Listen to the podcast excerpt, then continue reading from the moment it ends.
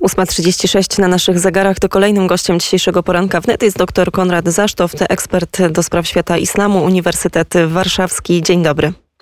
Dzień dobry.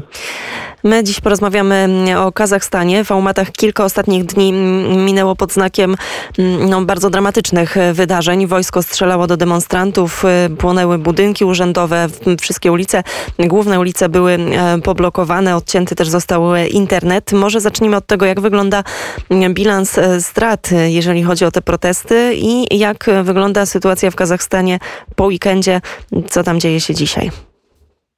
Tak, no bilans strat jest e, oczywiście niestety no, tragiczny, dlatego że e, zginęła, e, zginęła duża grupa e, ludzi, e, e, zwłaszcza właśnie w, w, w rezultacie zajść w Aumaty, bo w innych miastach to różnie wyglądało. No, czasami były to tylko pokojowe protesty, czasami też takie w, w w trakcie których dochodziło do przemocy, no ale zdecydowanie ta przemoc największa była w Almaty, czyli w tej starej stolicy Kazachstanu, tak, mieście, największym mieście Kazachstanu, które do y, 97 roku było stolicą y, tego, tego kraju.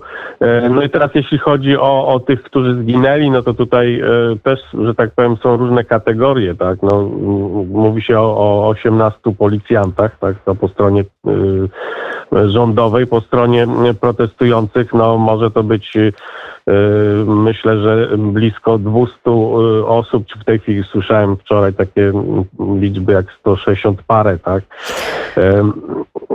Także to jest niestety no, największa tragedia w, w ostatnich y, dziesięcioleciach, można tak powiedzieć, historii najnowszej Kazachstanu. I to taka tragedia, która też nie ma żadnego uzasadnienia politycznego. Przypomnijmy ten rozkaz wydany przez obecnego prezydenta, czyli strzelać bez ostrzeżenia, mm, aby zabić, rzekomo do uzbrojonych demonstrantów, ale jak teraz spływają te najświeższe informacje z mediów światowych, no to mm, nie było widać, aby ktokolwiek z tych protestujących miał w ręku faktyczną broń, czy, czy chociaż nawet mm, coś, czym mógłby zrobić faktyczną e, krzywdę, więc jeżeli mówimy o kilkudziesięciu obywatelach, o cywilach zabitych, no to możemy mówić po prostu o mordach politycznych?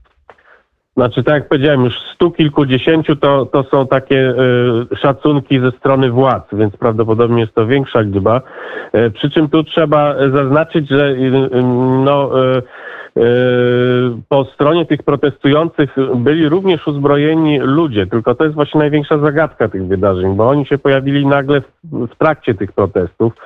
Dopiero w trzecim, powiedzmy, dniu trwania tych, tych protestów no i tutaj trwają różne spekulacje, tak? Kto to, kto to był, tak?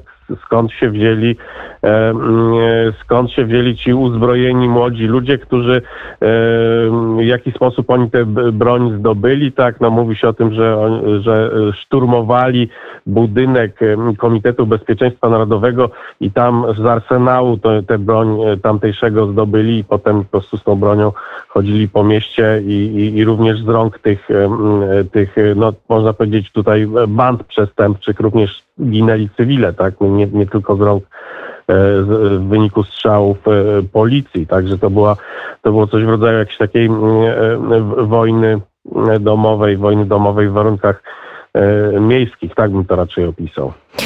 Tu pojawia się jeszcze kolejne bardzo ważne pytanie. Dlaczego Tokajew w ogóle zdecydował się wezwać na pomoc Rosję, czy wezwać na pomoc wojsko Organizacji Układu o Bezpieczeństwie Zbiorowym? No ale wiadomo, że mamy tutaj w domyśle głównie wojska właśnie rosyjskie. No, jedna z odpowiedzi jest taka, czy z hipotez, że właśnie te y, jego własne organy siłowe, jego własna policja, wojsko E, w, na pewnym etapie no, nie wykonywała jego rozkazów, tak? Więc on się poczuł tutaj zagrożony. No mówi się, że to, to wynikało z walki w elicie władzy, tak? Która tutaj część elity władzy związana z poprzednim prezydentem Nazarbajewem mogła być no, przeciwna temu wzmocnieniu pozycji Tokajewa i stąd no, zachowywać się no, co najmniej biernie albo nawet wręcz sprzyjać tym, tym uzbrojonym, tej uzbrojonej części, no właśnie nie nazwałbym protestujących, ale właśnie jakichś takich, takich band, band przestępczych, które dołączyły się do protestujących. No a w tej chwili niestety no, władze będą jakby mm, odpowiedzialność za te wydarzenia e, obciążać tą odpowiedzialnością wszystkich, czyli tych pokojowych demonstrantów i tych, i tych bandytów.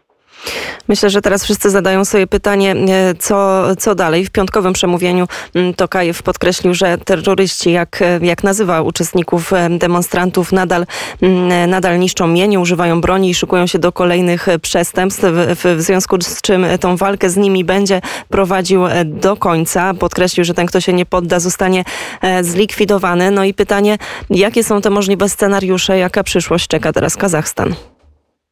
No, wygląda to bardzo pesymistycznie, e, dlatego że, tak jak powiedziałem, e, te, ci pokojowi protestujący, oni, oni po prostu domagali się demokratyzacji systemu politycznego w Kazachstanie. E, no ale przez to, że e, dołączyli się do nich rzeczywiście e, ludzie, których celem było po prostu no, obrabowanie sklepów i, i, i przemoc sama w sobie, no to w tej chwili władze będą tutaj malować taki, przedstawiać taki obraz tego protestu jako właśnie jakiegoś przestępczego ruchu. E, no i tym samym ograniczać wolności obywatelskie jeszcze bardziej, chociaż oczywiście w ostatnich latach e, z tym były już olbrzymie problemy. To jeszcze na zakończenie tylko pytanie o taką wewnętrzną e, sytuację, mm, jeżeli chodzi o Kazachstan. E, pojawiły się takie głosy, może nie porównujące, ale mm, takie przypominające wydarzenia mm, e, na Ukrainie, czy, czy, czy obecne wydarzenia na Białorusi, jeżeli chodzi też o to, co dzieje się w Kazachstanie. Pamiętamy, że jak wybuchły te wielkie protesty na Majdanie na Ukrainie, to wtedy jakaś część, dosyć duża część społeczeństwa miała, można no, tak powiedzieć, prorosyjskie sympatie.